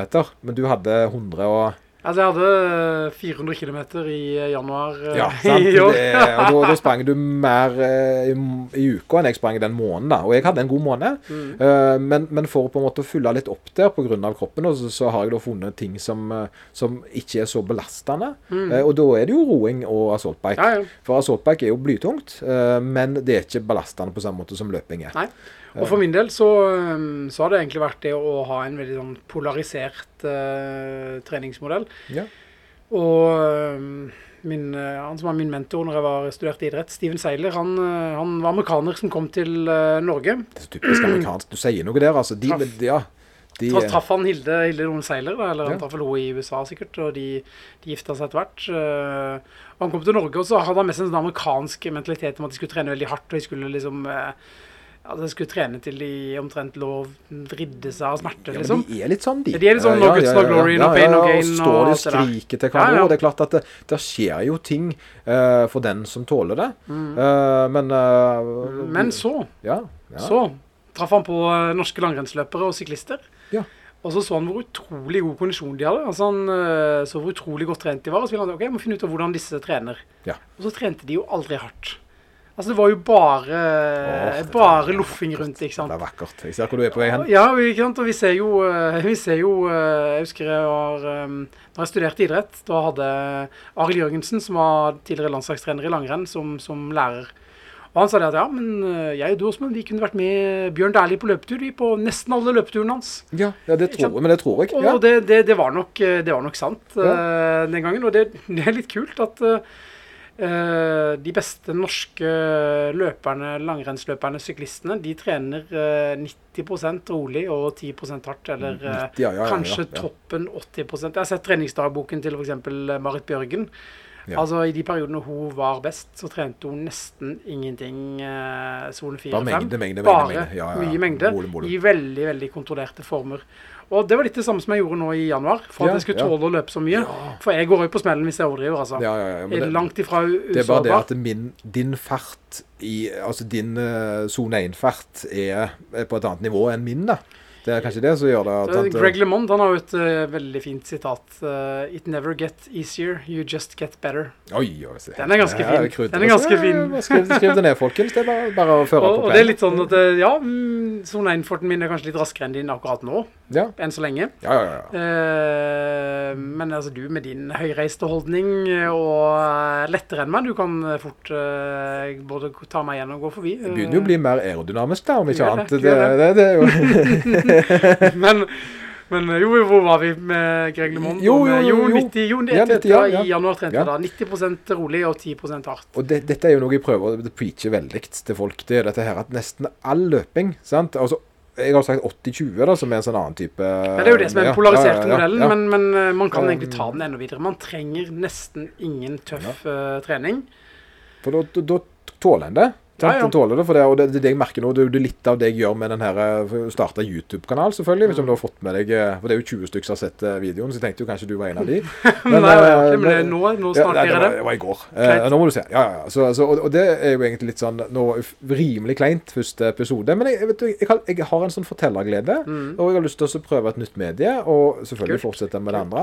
Og elske videoredigering. To Ja, ting jeg elsker. Det er liksom video, bilde og trening. Og helt å kombinere det. Mm. Men hvor TikTok, da? Hva, Eh, Nei, det er. Eh, det er for gammel til. Men det kan være han der gamle vise, eller gamle uh, gnettende youtuberne, Det går. Men Mm. Ja, ja. TikTok må jeg bare holde meg vekk ifra. Ellers blir 14-åringen i huset blir steingalen. Hva med det her eh, der, eh, som man bare kan høre på, da? Eh, Club, Clubhouse? Nei. Club, Club- Clubhouse? Er det Clubhouse, er det ikke det? nei, nei, ja, nei, nå vet jeg, nå vet jeg ikke hva du snakker om lenger. det, det der man eh, Discord, er det ikke det? Nei. Nei, nei, det er sånn, det er sånn som kidsa bruker til gaming, det. Er det det? Ok, ja, der ser du. ok, nå, da, Jo, nei, altså Folk ville vært overraska over hvor eh, bekvemt man kan ha det på, på trening og fremdeles eh, ha god fremgang. Ja. Og, og det er noe jeg er blitt beskyldt for veldig mye opp igjennom. Uh, du trener aldri hardt, du, Åsmund. Ja. For jeg tar det alltid med ro på styrketrening òg. Jeg trener eh, Jeg løfter jo over 200 Ja. kilo hvert år, men jeg har gjort det 17 år på rad. men det er jo spesialisering den gangen der. Mm. sant? Og folk tror jo at sånn er treninga di. Men jeg, gjort det, jeg løfter bare 200 kilo én gang i året. Ja. Januar-februar en gang i løpet av Hvorfor ser januar. du still got? Så, så, så, så løfter jeg det. Og så gjør, så gjør jeg ikke det igjen. ja. Så du- resten av året så trener jeg lett. Jeg lurer på hva som skjer når folk som hører på dette da. Eh, men, men igjen Men hvis de bare eh, går ut og løfter å løfte 200 ganger, 200 en gang i året, de òg, så, Ja, vil så de, det- ja. så, vil de, så vil de bli sinnssykt fornøyd. Ja. ja. Men, eh, men sånn som treningsprogrammene jeg lager, de baserer seg jo egentlig på autoregulering, da. og, Mm. Det er, jo det, det er jo det nye ordet. Det er jo ordet i ilden. Mm. Jeg begynte med det i 2014 for øvrig, men vi bare sier det. Men, men Litt uh, inspirert av Mike Tusher den gangen. Ne- ne- Ja, altså han var, Jeg var ikke gira på RIR da. Uh, jeg syntes egentlig det var bedre å være litt rigid. Og for noen så passer det faktisk Mm. at jeg bestemmer hvor mye de skal løfte. For den psykiske aspektet med å, å bli fortalt det er effektivt. Mm. Men for mange andre som ønsker å ha en del i det og ønsker å pushe seg, så er det en bra måte å gjøre det på. Mm. Uh, så det handler litt om personlighet. For det, jeg merker det når jeg trener noen, så går faktisk tallene nedover når de får kontrollen. For de, blir, de, de har en personlighet som gjør de, at de ble blir usikre. da. Ser, ser det er gjort veldig mange gode studier eh, nå siste, siste årene på, på autoregulering og på velocity-based training, der man bruker hastighet til å regulere Ja, det er jo noe, for det er jo en segvei inn i noe, dette her, men uh, sant? til å, til, til, å, til, å regulere.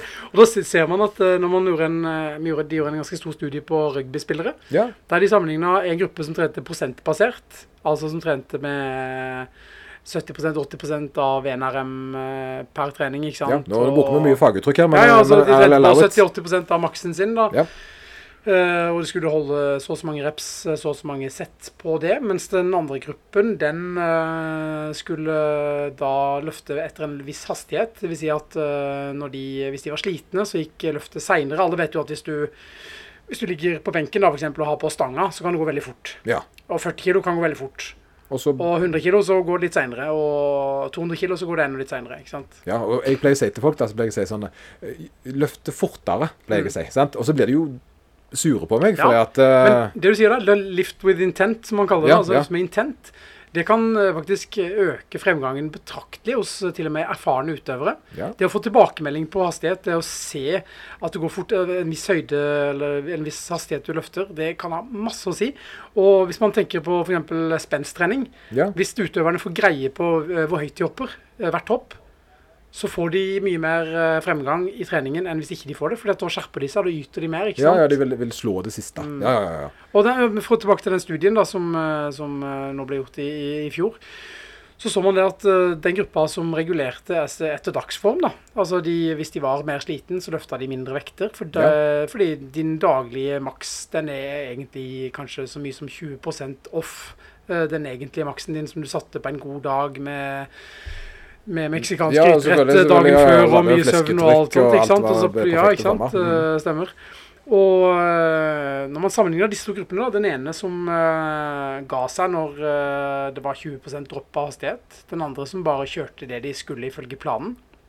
Og da så man at uh, den gruppa som autoregulerte skikkelig, ja. brukte hastighet til å autoregulere, de eh, endte opp med eh, var det, ja, to-tre ganger så stor fremgang som den gruppa som kjørte prosentbasert. Det- Men der var idrettsutøvere. Ja, så der var idrettsutøvere ja, som var godt uh, trent De til visste, å pushe seg. de visste litt hva de Ja. Det, Så det, samme, vil ikke, det samme vil ikke skje med vanlige mennesker, Uh, for de vil kanskje ta De vil tenke at nei, nå er det egentlig uh, null rep in reserve, Ja, og så er det egentlig fire rep til til det er det som var problemet. Jeg merka det. For det er noen som på en måte Da tenker jeg spesielt på en, en, en, en fra Han kom vel fra Arendal, han òg, for øvrig. En eneste til Helge. Han vant EM i fjor for veteraner. Mm. Eh, og han har hatt en formidabel eh, framgang, spesielt i knebøy.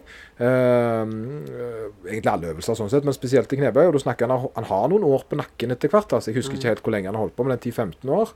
Men eh, når du da plutselig hiver 10% eh, på knebøyen pga. at han får på en måte lov å pushe seg da, med autoreguleringer Mm. Ja, ja. For han funker det. Mm. Eh, og, og, men for andre jeg har på en måte trent, så har det blitt litt sånn at nei, nå, når de da sammenligner seg med sist, så syns de gjerne at det var litt lettere sist. Så, sånn, sånn som Lance Armstrong, for eksempel. Han tror jeg hadde, han tror hadde digga autoregulering. ikke sant? Ja, han han ja, Han ja, hadde pusha én en til, én en til, en en til, en til, en til, og, og gitt seg når det var en i den tanken. Ikke sant? så, og, det, og, det, og det Men, men tilbake til det med volum, da. Mm. Så er det jo det at treningsprogrammene da baserer seg egentlig litt på at det, det skal jo ikke trenes så forbanna tungt. Eh, Det skal holdes innenfor, eh, bortsett fra når du skal tungt, da, selvfølgelig. Mm. Men, eh, men selve volumarbeidet en gjør, er jo da mange, mange sett og mange rep. eh, og Høres ut som en sånn eh, Dietmar eh, Det er jo Dietmar, ja, ja, ja, ja. Dietmar-tankegang der. ja, men det er Eller bompa, så er det egentlig Ja, ja, heter. Det ja. back in the Kjøle days, Bompa har jeg faktisk Ja. møtt. Ja, møtt han? Ja, jeg har nice, og prata nice. med han. Jeg har en Ja. eh, signert bok Ja, det- eh, fra. Jeg har bare, Ja, ja. jeg er usignert her, jeg, men OK, det får ja. være. Du har Theory and Methodology of uh, Ja. Strength Training, Ja, ja, tenker jeg. ja, Ja. men har tatt og revurdert den et par ganger. Men, eh, men der ler jeg jo egentlig litt over hvor eh, copy-paste de forskjellige idrettene eh, har tatt ifra den. da. Mm. Eh, Men, men Bompa han, han tilpassa en del. Altså, han, han var bl.a. med det italienske laget til VM i fotball, husker jeg. og Styrte liksom eh, styrketreningen inn mot det. Og han var en ganske dynamisk type. eh. jeg husker Det som gjorde mest inntrykk når jeg møtte han, det var at han fortalte om eh, det var om, om hvordan type 2X-muskelfibre kunne konvertere lett til eh, litt tregere, mindre eksplosive muskelfibre. Ja, For vi har jo forskjellige typer muskelfibre. ja, ja, ja, noen er noen er eksplosive, og noen er, noen er mindre eksplosive og, og har mer utholdenhet. Og da husker jeg han fortalte om, om, eh, om eh, disse øst, østeuropeiske vektløfterne som eh, for ikke å miste sine type 2X-fibre, så kjørte de sånne golfbiler rundt på OL-området. Ja, så det gjorde det er egentlig det eneste jeg husker fra det foredraget med, med, med, Fantastisk, men det med kan- men, men det gjorde inntrykk. Det var jo sånn som styrkeløftere. Altså, du ser jo de Jeg hadde jo en stol bak markløftplattinga, så jeg bare satte meg på. Altså, det var jo om å gjøre å ha minst mulig steg. Finnes det en atletklubb uten en eh, stor skinnsofa, liksom? Nei, altså, det er litt av skjermen nå. Casting couch, eh, liksom. Men, okay, oi, oi, se nå. Ja, ja. Lov å si det, nei? Jo, jo. Det er lov. Det var ingen som tar referansen. Det er bare for uh, altfor konservative folk som hører på. Så det, er greit. men uh, nei, altså men, men, men det har jeg jo sett på en måte har fungert. da. Mm. Uh, at uh, ikke det å konstant være på maksen sin for en RM, sant? Er, da er det, det er bedre å heller da ha en, eh, et volum der du fokuserer på de andre tingene istedenfor teknikk. sant? Og, men samtidig utmattelse, for det er jo det det handler om. Ja. Eh, det å løfte 1 RM mest mulig den dagen du løfter 200, det er jo ikke da du ble sterkere, eller da du beholdt styrken. Jeg vet hva, når, når, jeg begynner å nærme, når jeg begynner å nærme de vektene, for jeg bruker sånn fem-seks uker på å komme opp på det, liksom, sånn Ja. at jeg trapper rolig opp for ikke å få en, for ikke å få en skade. Og mellom jeg kommer til sånn rundt 180-190, da føler jeg at ok, nå er jeg egentlig klar for det. Ja. Og hvis jeg da ikke tar en lett øh, økt eller to etter den, for da pleier jeg gjerne å ha tung benk hver tredje pressøkt. ja. Hvis jeg da ikke gjør det, hvis jeg da bare skipper de to lette og går rett på den tunge, så ender du opp med, med, med vondt og ubehag og dårligere form og tap av styrke umiddelbart. Og da må jeg kanskje bruke tre uker på igjen å komme opp igjen der. ja, så det. Man dreper veldig overskuddet med å løfte veldig tungt. Jeg har egentlig funnet, ut at eh, en sånn der eh, atletmåte å trene på, da, der man Ja. trener enten middels tungt, kanskje 85% av NRM, 80% av NRM, med mange reps in reserve og relativt stort antall eh, sett, Ja. Kombinert med noe i en sånn power-sone der man løfter eksplosivt eh, og har litt eh, Fokus på det eksplosive i eh, tillegg. Ja, ja, det. ja. Det kan høres ut med en litt sånn Westside Jo, ja, ja, Barbell-tanke. ja, ja, ja, men jeg, jeg, en litt sånn hybrid, en blanding, eh, Ja. blanding kanskje. Men jeg tror det er genialt. Men, men det, jeg, for det er jo det en skal på en måte Jeg føler at eksplosiviteten må inn, men ikke før teknikken eh, på en måte kommer på plass. da. Nei, nei, så klart Så, ikke. Så klart men, men når det Når, når, når uh, selve Altså når du ikke er i en ekstrem at du foroverbøyd stilling, at du på en Mm. måte har mestra den uh, teknikken som gjør at du har en forholdsvis lik uh, belastning anterior og posterior, så, så må du jo egentlig begynne å prøve å flytte det fortest mulig. Mm. Sant? Så det er jo faktisk en uh, Og det, som- det som er kult, og det, det du sier der, men med, med, jeg får lov å komme inn på eh, Ja, det, det, jeg på- prøver å dytte det over på deg. Jeg Ja, prøver, takk, takk, takk. Altså, vi, for noen år siden så, så, så vant vi en sånn gründerkonkurranse med en idé da, til en, eh, til en device som skulle måle, måle trening eh, basert på trykk mot bakken. Ja, Og det er ganske kult. Vi, vi, vi lagde en eh, sånn plattform eh, som, man, som ser ut som en hvilken som helst vanlig, vanlig plattform. Der man står på og tar knebøy. ja, ja, ja, folk kan nok sette det på YouTube. Så Ja, jeg, jeg skal prøve å se om jeg kan få linka Ja, til det. kult, kult, veldig gjerne. Og så tar man da knebøy, og når man går opp igjen og kommer på toppen, så får man løftehastigheten sin opp på skjermen med svære, tydelige tall, og man får et grønt lys. Ja. Og da får man med en gang beskjed om man trener eh, styrke. Det er hvis man trener med 0,5 meter per sekund eller eh, tregere. Ja, Eh, det eller hvis man trener power, det er da mellom 0,5 og 1 meter per sekund. sånn, ja, ja, ja. Og eller speed hvis man trener over 1 Ja, ok, meter ja, per sekund. Hvis man da ikke er i den ønska sonen, så må man da legge på mer belastning. Sånn som man må i en vanlig Ja, det- blir jo egentlig litt som den, autoreguleringsprogram. Ja, det blir veldig likt, likt det. Det blir bare en objektiv størrelse der man får det opp, Ja. og der man blir liksom pusha til hele tiden å, å klare å holde seg høyt i hastighet. Så når man da treffer riktig belastning, f.eks. at man vil opp på 0,5 meter per sekund, så tar man da fire rep, og så begynner hastigheten å droppe. eh, 10-11 kanskje. ja.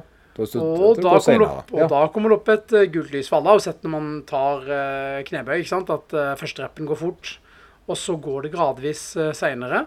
Helt til siste rappen. Det er litt eh, morsomt. Ja, den siste rappen ja. den går alltid like seint som en 1RM. Ja, det, den det, det er det, Det er en sprø Ja, eh, Men- Ikke coincidence, men det er liksom en sånn funny thing. Men hvis man måler siste rappen på en 5RM, så er den akkurat like treg som den ene rappen på en 1RM, altså på et maksløft. det er det, men ja, uansett hvor tung den er nesten. Altså, Ja. hvor, for det, men det har jeg alltid bedt meg merke i. For det, går tilbake til Ditmar, da, så er det jo alltid litt sånn tung, lett, tyngre, litt mindre lett. sant? Altså at det er, det er på en måte en periodisert eh, type trening eh, sånn. Eh, og jeg husker jo alltid når jeg da hadde lette uker sjøl Mhm. personlig, så var det jo det var jo da 50-60 kilo unna, under uh, maks. Så det var et godt stykke opp til det en skulle klare. Men det ble på en måte uh, så lett igjen at den ikke var påskrudd, for det Mm. første. Eh, Og for det andre så var det jo det der med jeg, Kanskje når det var kommet såpass mange sett inni, så ville du bare bli ferdig. Ja. Men det siste var eh, første rep, bang, bang, bang, og så ble det et mareritt å bli ferdig Mm, med det. det siste. Ja, Helt jeg kjenner, altså. kjenner følelsen. Så det, Men, men det, det sikrer da den, den, den plattformen som man da løfter med. Da, da, Ja. da får man opp hastigheten. Og når man kommer til 11 tap, så får man opp et gult lys. men du får vet ikke hva de siste reppene er heller, egentlig. Og så da har du lyst til å komme der, for du har lyst til å gjøre mer rep, Så da Ja. pusher du deg mer. Så skal du kanskje opp på grønn igjen. Altså, det Og før du til slutt da ender opp med rødt lys, og rødt lys det betyr jo akkurat som Ja. når vi står og venter på å gå Ja. over veien, at da er det rødt lys, da er det trafikklysordning. Ja, nå skjønner Da er det stopp. Ja, det Så grønt lys, keep lifting. Ja. Gult, skjerp deg, din latsabb. ja, for det er egentlig Rødt lys, nå er det nok. Det, det er litt sånn som Garmin som sier du er i dårlig form. Ja, hva skjer med Eh, Garmin sin oppdatering på form? Ja, det er minus fem når jeg var ute og løp Ja, her i forgårs, ja. Det, det, det der VO2 Max-opplegget der, det, det, jeg har en eh, god kunde som, eh, som på en måte er rasende der. For Stryd har jo da sørga for at det der falt litt, mener han. Ja, ja. Men, men det er jo litt fordi jeg har holdt han igjen, da. For jeg mener jo nettopp at han skal springe roligere, jeg. Mm. Og da, men da, når jeg springer med kunder, så, så blir jeg i dårligere form, sier klokka mi. Eh, og det stemmer jo ikke. Mm. Nei, det stemmer jo ikke. Så, Det stemmer ikke. Jeg synes, eh, altså Polar har en algoritme på, på det som uh, korrelerer bedre med VO2max-målinger som jeg selv har gjort med VO2max-utstyr. Ja, for du har faktisk testa, og det, ja. det er jo noe jeg må, må be deg om. Også. Jeg må, jeg må legge deg inn til å få testa det, for jeg er så nysgjerrig på Nei, Men dere kan eh, låne utstyr en stund hvis Ja. dere vil. Ja, ja, gjerne, men vi må jo ha en sekando. Ja, ja, si. det kan jeg lære dere. Det, ja, oh, ja. det er kjempeenkelt. Det er Kjempeenkelt. OK, ja, men da eh, Sealed. Ja, ja. Og, og, det, og der har du jo eh, stoff til YouTube-kanalen min, da. Ja, ja, det sånn. det, det, ser, det ser tøft ut, faktisk, når man det- løper eh, på mølle med maske. Det blir litt sånn, Nå skal jeg rehabilitere akillesen. Skal jeg lære meg litt eh, grann hvordan jeg filmer og legger det ut på YouTube. Og så neste film, da blir det, Ja, ja. Da, da, da blir det Du har fått deg sånn drone ikke sant, som følger etter deg, og eh, på herlige løpefilmer på stranda med jeg, eh, jeg, jeg lånte ei drone, ja. Men, eh, men det var, passet ikke så godt. Kabelen var feil til mobilen. Ok. Eh, Så, så det var litt dumt. Men det, kom ei drone inn. Altså, dette, jeg, nå har jeg seks studiolys. Jeg, jeg har fire sett med mikrofoner. Altså det, det, det er feil fokus. Er feil fokus. men, men, men, men jeg elsker det, og det, jeg syns det er så gøy. Så, har, du- har du green screen og sånn? Du Nei, nei, jeg vil ha litt sånn intensiteten i det. Og det så, Men jeg, jeg har vært inne og fikla på det. altså Det har jeg jo. Eh, Men, eh, men jeg, vil, jeg vil på en måte ha Litt av greia er å vise at det kan gjøres hjemme. da Mm. Uh, og da og, Så jeg har jo min, vinter, jeg har jo min vinterhage. Ja, ja, Alle, alle har- jo en sånn vinterhage, liksom. Ja, ja. Nei. Men det, det- det- det- Og du har jo da for øvrig et fantastisk treningsopplegg i din vinterhage òg, så Ja, vi ja, har jo, eh, vi har jo litt, vi er jo litt like der òg, så, så det, det er så digg å trene ute på, eh, på balkongen, eller er The. Pumpatorium, som ja, ja, ja, ja. Altså det, det er fantastisk. Nå har jeg, jeg har jo to varmeovner, så jeg styrer via Philips Hue. Ja, så, jeg, jeg kan, så jeg kan skru av på her nå, og så er det varmt når jeg kommer hjem. da. Mm. Uh, og så har jeg på sommeren så har jeg kjøpt meg en sånn crossfit-vifte. Mm. Jeg hater jo crossfit, selvfølgelig. Altså, jeg gjør ikke det, jeg hater ikke crossfit, men jeg blir litt irritert fordi jeg alltid er nødt til å forklare hvorfor det ikke er lurt å ta en crossfit-økt midt i en oppkjøring. Uh, sånn 150 burpees, det er ikke lurt eh, akkurat nå. Det er ikke så lurt så ofte. Det er heller ikke lurt å også Eller er det det? Hvis du er glad i onkel Rabdo, så, Ja, så, er, du Rabdo du klart, det. så er du klart det. Nei, vet du hva, jeg syns jo Crossfit syns jeg er litt kult av ulike årsaker. Det syns jeg er kult fordi det presser folk til å lære nye moves. Som Ja, det er sant, det er sant. Ja, ja, ja, ja, Altså, de lærer plutselig å på tau, eller eh, å stå på hendene, eller sånne ting. Det syns jeg er kjempekult. De blir utfordra på det. Det som ikke er så kult, det er at eh, det ofte pusher folk eh, litt over terskelen Ja, på hva ja. de egentlig er teknisk kapable til å gjøre, og hva de er fysisk kapable. Og det er jo Og at det derfor positivt eh, tar med seg en del skader Ja, eh, og ja. sånn. Men jeg føler at det er noe som kan, definitivt kan bidra til å gi mestringsglede og treningsglede, og der er det positivt. Er det en ideell måte å trene concurrent training på, Å bli sterk og utholdende? Nei, det, det, det, Nei, det, er det antageligvis ikke. Nei, jeg- Nå er det bedre å trene de litt mer isolert, sånn som det vi gjør. Sånn som vi gjør, med fokus på én ting, altså eller, om gangen. Nettopp det. sant? Og det er vil litt gjerne skille det med ja. tre-fire timer hvis en har muligheten og sånn, men, men det viktigste ja, er jo at man, man gjør det. Men ja, crossfit er jo uh, kjempekult på mange måter. Ja, det er jo fascinerende. ikke ikke Det, jeg, må, jeg driver, meg og kona driver jo smugkikker på disse her eh, Og de filmene er gøye. Ja, Ja, ja, kjempegøy. Så, så vi er jo litt, eh, litt interessert der. Og så er det jo, som du sier det, det, når jeg starta, eller tok over det senteret der for mange mange år siden, så var det jo ikke mange plasser i Norge der var knebøystativ. Og iallfall ikke damer i det. Nei, nei. Uh. Og det var på en måte en sånn ting som var litt rart. Markløftbatting, det var jo Mhm. helst bare på vektløfterstudio, eller i vektløfterhallen, på en måte. Mm. Så, så det er jo dette her med at det har jo på en måte fornya veldig den her, og måten vi trener på. Eh, at vi kan trene sånn, kan mm. vi jo takke CrossFit litt for, da. Ja, ja, også hvis du nå ser på, hvis du nå ser på, går på sist da, på universitetet og trener, så kan man se at uh, man kommer inn der, og så er det seks jenter som trener med 100 kg i markløft ja.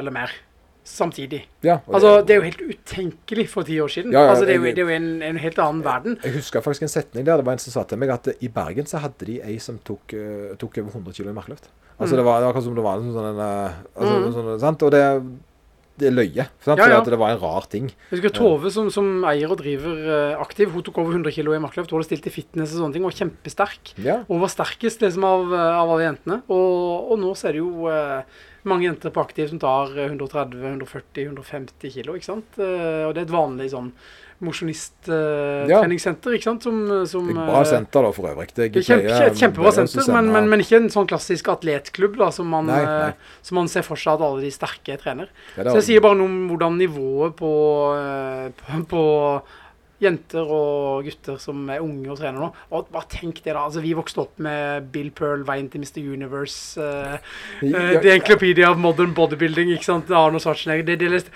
så det var også i form.no, det kunne man lese på når ja, internett kom etter var hvert, liksom. fasiten til Einar Gilberg. Det var Ja, det som var ja, greia. altså, det var jo kjempekult. Men, eh, men, jeg, Men nå, vet du, nå sitter de bare med liksom, verden for sine Ja. fingerspisser, med YouTube-kanaler, med Lloyd på, og Ja, da, jeg, jeg, jeg, jeg, jeg, jeg, jeg, jeg er iallfall 20 som har sett den nå. Så det, det, Ja, ja. nei, nei, men, men det er så mye kult, og, og, og det, er så mye kunnskap der ute. Og, og hvor, hvor den reisen som sier fra å være litt sånn, sånn en sånn C-greie da, til å bli egentlig noe av det viktigste veldig mange holder på med. mm. Det, um, det, er, det er jo det som gjør det litt for oss òg. For Ja, ja. vi, vi holdt jo på sånn for 15 år siden, og Ja, det er klart at det nå på en måte vært litt heldige kanskje med valget vi tok da. Jeg tror nok det at vi kom inn på den tiden i bransjen, da, det gjør at vi på en måte fikk en posisjon som gjorde at vi, eh, at vi har hatt det veldig bra i de, de årene. Jeg tror nok det er vanskeligere å komme inn som en ny PT nå Ja, i eh, ja. 2021. Det tror jeg nok. Det, jeg tror det, for det, det nå, eh, Uansett hvordan en bærer og hvordan en vrir og vender på det, så har vi jo etablert et lite navn. da. Mm. Uh, og det er jo selvfølgelig altså, meg og deg har jo trent flere hundre mennesker opp igjennom, Mm. eh, og kanskje mer enn det òg. Og det er klart at noen av de har jo fått gode resultater, sant? Eh, som vi kan si til Mm, noen at eh, de bør sant? Ja, jeg ble trent av han, og det anbefaler jeg. Og Ja, ja. det er klart at sånne ting hjelper jo Og, på. og nå, jeg, altså, nå har ikke jeg bytta altså, Nå har jeg ikke tatt inn nye kunder på årevis. Jeg har ikke bytta ut noen av kundene mine på årevis. Nå har jeg bare min, min klikk med, med ekstremt kule, ressurssterke mennesker som jeg trener. Og, det- og det, vet fulle er, ja. du, for du spurte meg i starten om, om uh, hvorfor jeg holder ut Ja. med det jeg gjør. Ja. Og det er, det er egentlig nettopp derfor. Altså, selv om nå, nå underviser jeg på ulike universiteter rundt omkring i verden, og jeg foreleser i Japan, i Korea, i Indonesia. Masse sånn spennende, kule jobber og driver et, to-tre forskjellige selskaper og sånn. Men jeg gir aldri slipp på det å være PT, fordi at det er så sinnssykt uh, ja, det er- Det er så sinnssykt givende. Altså, jeg gleder meg hver morgen til å stå opp uh, klokka seks på en tirsdag. Da skal jeg treffe Arnstein og hans datter, og han er en kjempeinteressant fyr som har vært ja, oppfinner ja, ja, og sånn, ikke sant? Og så kommer. Kristin, som, eh, som har en kjempespennende jobb, ikke sant? Og som akkurat skjønner, skjønner veldig godt Altså, man, man, man lærer så sykt mye. Altså, jeg trener, eh, trener mennesker som har så utrolig mye kunnskap eh, om så utrolig mange kule emner. Så jeg føler meg liksom sånn heldig som, eh. Ja, som får ja. være den som Ja. treffer disse kule folka. Og få prate med dem om uh, det jeg kan best, om det de kan best. Uh, Ja, for det at du blir på en måte en liten du, du, altså, Jeg får jo deres uh, sant? Her, vær så god. dette har vi gjort til sist, da, og sånn reflekterte vi over det, for Ja, ja, ja. Og så får jeg en sånn Wow.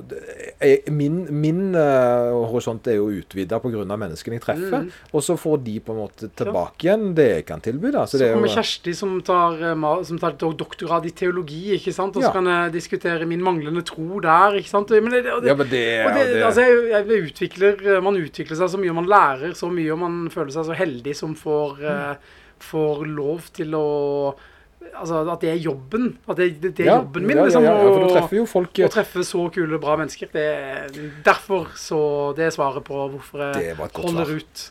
Det er ikke vi som holder ut, det er de som holder ut. De som holder- ja, ja, men jeg, jeg er litt enig. Det, for det, uh, altså, det samme her. Ego har jo på en måte en uh, fast gjeng, da. Eh, og så er det da noen som på en måte blir ferdig eller flytter, eller hva det måtte være for noe sånt. Og så blir det litt sånn utbytte. Men eh, det, er ikke, det er ikke ofte, altså. Jeg, jeg har jo satt eh, jeg, jeg kan ikke ta inn flere sjøl. Og, og jeg har nok gjerne mer fokus på akkurat den biten nå. Så jeg har jo ganske mange timer jeg har PT i uka. Men det er ikke Ja, plass. Hvor mange timer uh, har du liksom kappa på? Eller Hva sier du er nok, liksom? Eh, Nå, jeg vet ikke om jeg tør si det engang, men jeg er oppe i 50. Um, så 50 i, uka? Det, det er litt sånn rovdrift, synes Eh, jeg. Det- Nei, men jeg, jeg klarer ikke å si nei. sant? Nei, det er nei, det, er det det jeg, har klart til nå, da. Ja, ja. Uh, For jeg nå eh, imellom disse covid-periodene, da, så, så, så, så var jeg oppe i det igjen, da, selv om jeg egentlig har sagt at eh, nå skal Ja. jeg holde meg til Nå holder med 100 timer, da, men, men eh, i måneden. Altså, men- ja, ja, ja, Det er nok med tanke på de andre tingene. Men så er det vanskelig å si nei, da. Så plutselig er man oppe i 200 igjen. Ja, og- det, det, det, det, jeg har prøvd også, men nå har jeg kommet litt nedpå, og nå inkluderer jeg online, da. Online og, og telefon, Stemmer, sånn som det. Så, så, så um, Altså, jeg har funnet ut at rundt 100-120 timer, det er liksom en sånn sustainable, uh, levedyktig mengde. Da har jeg mye å gi, og da har jeg, kan jeg være pålogga for fullt uh, hele veien. Og da ikke da, da, da, bare gir det energi. Da, tar Ja, det ikke var- det var det jeg energi, merka, at jeg, jeg har verdens beste jobb, men når jeg våkner opp og er trøtt, da, Ja. er det, det er ikke bra. Så det, jeg har tatt litt affære nå, og er litt stolt av det. Mm. Og heller på å jobbe Mm. Ja, samme her. Jeg har jo satt eh, ned foten og, Ja. og, begrensa mengden eh, litt. Grann. Og, eh, men trøtt når jeg står opp 05.15 hver Ja, forbanna dag, det må jeg innrømme at jeg ja, uansett. Trøtt, men ikke trøtt av å holde på en lang dag, på en måte. Det er den her, her sant? Det er mer enn sånn Å, i dag skal jeg det og det og det. Og, og da er det litt sånn for det uh, Jeg får jo en sånn en uh, eh, hva, hvordan var den restauranten? sant? For der, der har de vært. Mm. De har vært og spist, da. Eh, hvordan eh, de har vært og opplevd den tingen der. Og så får jeg liksom For venner treffer du gjerne eh, en gang i måneden, kanskje to ganger i måneden. da. Eh, mens det, jeg har jo kunder som jeg trener to-tre ganger i uka. Mm. Og det er klart at du blir jo ganske nær med dem etter hvert. det. Altså, jeg, jo- jeg husker når, når, jeg, studerte til å bli PT, så var det liksom, liksom, liksom lære å ha en sånn profesjonell distanse til det og sånn, Ja. men, men eh, mitt råd er egentlig bare å gi blanke F i det. Altså, jeg har jo dratt til Japan med mine, mine kunder og stått på ski, og jeg har dratt på Ok, ja, ja, ja. fotballkamper. Altså, det, man, det blir jo venner, ikke sant? Det blir jo, altså, eh, blir- jeg bruker så mye tid sammen, og man har det så gøy sammen, at det, det er helt naturlig at man eh, involverer seg mer. Og så ender man jo alltid opp med å trene hele familien da, ikke sant? Ja, ja, for det blir jo veldig For det blir jo sånn, det sånn ble jo en sånn eh, liksom. skogs... Det ble jo et tre, sant? Det ble jo et tre ut av ting. Og det, men så er det jo Men den dagen du um, Og det er jo den der dagen Folk har sett det på et par. Uh, den dagen du er lei, da må du slutte. Du kan ikke Dette er ikke en jobb en kan gjøre ut av uh, Altså for, for å tjene penger. og Dette er en jobb du må ha et forhold til. Og så er det sånn at uh, man må ikke bli lei av sin egen øh, trening, og man må ikke bli lei av sin egen jobb. Og da, og de er liksom en sånn uh, to sider av samme sak. Så Ja, man må på en måte spille, spille på det på rett måte. Altså passe på å ikke bli lei av jobben, passe på å ikke bli lei av sin egen, sin egen trening. Klarer man det, så er det en utrolig kul måte å, øh, å tjene til livets opphold Ja, det, det, det løyer òg for det at eh, hvem hadde trodd det? Hæ? Nei, tenk det, tenk, det. Jeg husker første gangen jeg fikk en PT-kunde rett i fanget. Ja. Så ville jeg egentlig ikke. Nei. Jeg synes det var litt sånn ah, Kan ikke bare gi det et program, da? Så kan Ja, så prate litt med de av og til, og sånn. Og så, så blir det bra. Men nei, de ville ha oppfølging, og de ville at det skulle være med. Og så var- greit, det var- så gjorde jeg det, og så, så var det jo kjempegøy. Ja, ja nei, jeg, jeg, jeg husker, for det, jeg hadde jo faktisk ikke vært P... Jeg, jeg hadde jo på en måte vært coach da, og trener og alle de greiene der, men det å være PT var litt nytt for meg. da. Så, og da var det jo, Jeg hadde jo lagd uendelig med treningsprogram og fulgt opp masse folk i konkurranseøyemed, men når jeg skulle plutselig begynne å ta sånn type betaling for det, så føltes det litt rart ut. Men eh, det falt liksom plutselig så naturlig på plass. Så tror man det at når man er ung PT, og hvis det er noen av dere som hører på som er unge PT-er, så tror dere veldig ofte at drømmekunden det er liksom en idrettsutøver. ikke sant? Det er en som skal Nei, nei, eh, nei, nei. bli supergod i noe. ikke sant? Og dere lærer på PT-studiet at dere skal fokusere mye på mål og måloppnåelse. Ja. Og så er det ikke det det handler om. I det hele tatt. Det er ikke det som er gøy, det er ikke det som er kult. Det som er kult, er å ha steady fremgang med, med, med, som gir økt mestring, lære nye ting til mennesker som kanskje ikke likte gymfaget på skolen. Ikke Ja, sant? de- de, de- kuleste kundene mine her, de, de har hatt kanskje i flest år. Det er de som kanskje ikke likte gym noe særlig på, på akkurat som jeg da jeg var det- 13-åring. det var det- Ikke sant? De likte ikke gymfaget. De sto uh, bakerst der og kikka litt ned i bakken og sånn. ikke sant? Og når de nå plutselig kan gå opp i en ribbevegg og ta human flag, eller kan løfte ja, ja, 120 i ja, ja, ja. benkpress, eller kjøre 20 chins, eller ikke sant? Det, ikke sant? det er da du har mestring. Det er, Ja. da, det er da du har trent en utøver, ikke sant? Så ja, men det, det er noe med nettopp akkurat det der greiene der. Du, du tar på en måte det de kommer inn «Eh, Jeg er så dårlig helse, jeg har så vondt i ryggen. sant? Eh, Jeg klarer så ikke å gå. Og så skal jeg begynne å trene litt, fordi det er jo alltid kutt ut. Jeg har ikke tid til det, jeg er siviløkonom, eller gudene vet hva jeg er for noe. ikke sant? Og så begynner de, og så begynner de «Åh, og å, Dette var jo litt gøy, da. Jeg hadde ikke, Han visste ikke at det kunne være gøy. Å trene. Hva Nei, ikke sant? tull? sant? Så plutselig så kommer de der. Og så, så nå har vi jo eh, nå, Noen av de driver jo på å trene sammen på lørdager nå, noen av kundene. sant? Og sant? trener markløft og knebøy og, og har vært med sånn whisky-deadlift-greier. Altså, Dette er jo folk som aldri har vært på Nei, treningssenter. nei. Du trodde jo ikke at det, det var det dummeste de fant, fantes. eh, helt konge. Liksom, når, de finner, eh, når de finner den gleden, da har vi gjort noe bra. Da har vi Ja. gjort uh, noe riktig. Da har vi Det- fått lov å gitt litt av vår til, til de, og så har vi mest sannsynlig fått masse igjen nå, da. ja, ja. Så, men jeg, jeg ser at tida går, eh, og vi har hatt det særdeles gøy. Eh, det, ja. Ja, Tida har gått, ja. Ja, ja, så jeg, jeg måtte Vigrestad for å se Justice League. Uh, Det er Ja, ja, faktisk ja. det jeg skal ha. Det er en, fire, en times kjøretur, og så er det en fire times Vigestad er kjent for sin kino. Nei? Ja, det er iallfall min, min Vigrestad. Det er en kompis jeg skal til. Okay. Og så føler jeg jo at folk gjerne har fått uh, mer enn de uh, Mer enn de eh, så, jeg tror, Ja, jeg tror det var, det var veldig koselig. Det var veldig koselig. Ja, så eh, skal vi ikke bare si god helg og sånt, da? God helg. God helg. Oppfør dere fint. Ja, og så en liten sånn Jeg er så dårlig på avslutning, men dette var altså Åsmund Tveitevold, og han må dere eh, selvfølgelig sjekke opp på Jeg vet ikke hvor er du hen og Nei, se? altså, Eller vil du ikke bli TikTok er mest Nei, jeg bare tøyser. Jeg ikke, ikke det. Nei, men Hvis dere går inn og sjekker uh, Alfa, Alfatech sin, sin Facebook-side, så finner dere meg der. kan dere se den Alphatech, kule ja. plattformen som jeg prata om tidligere. Nå, skal jeg, nå, nå har jeg litt bedre tid enn jeg pleier på å lage klar den der her, så, så jeg skal ta og legge inn sånn link til det. Nydelig. Og så blir det bra, vet du. Og så uh, får dere ha en fin, fin helg eller sånt. Eh, Og du òg. Peace out.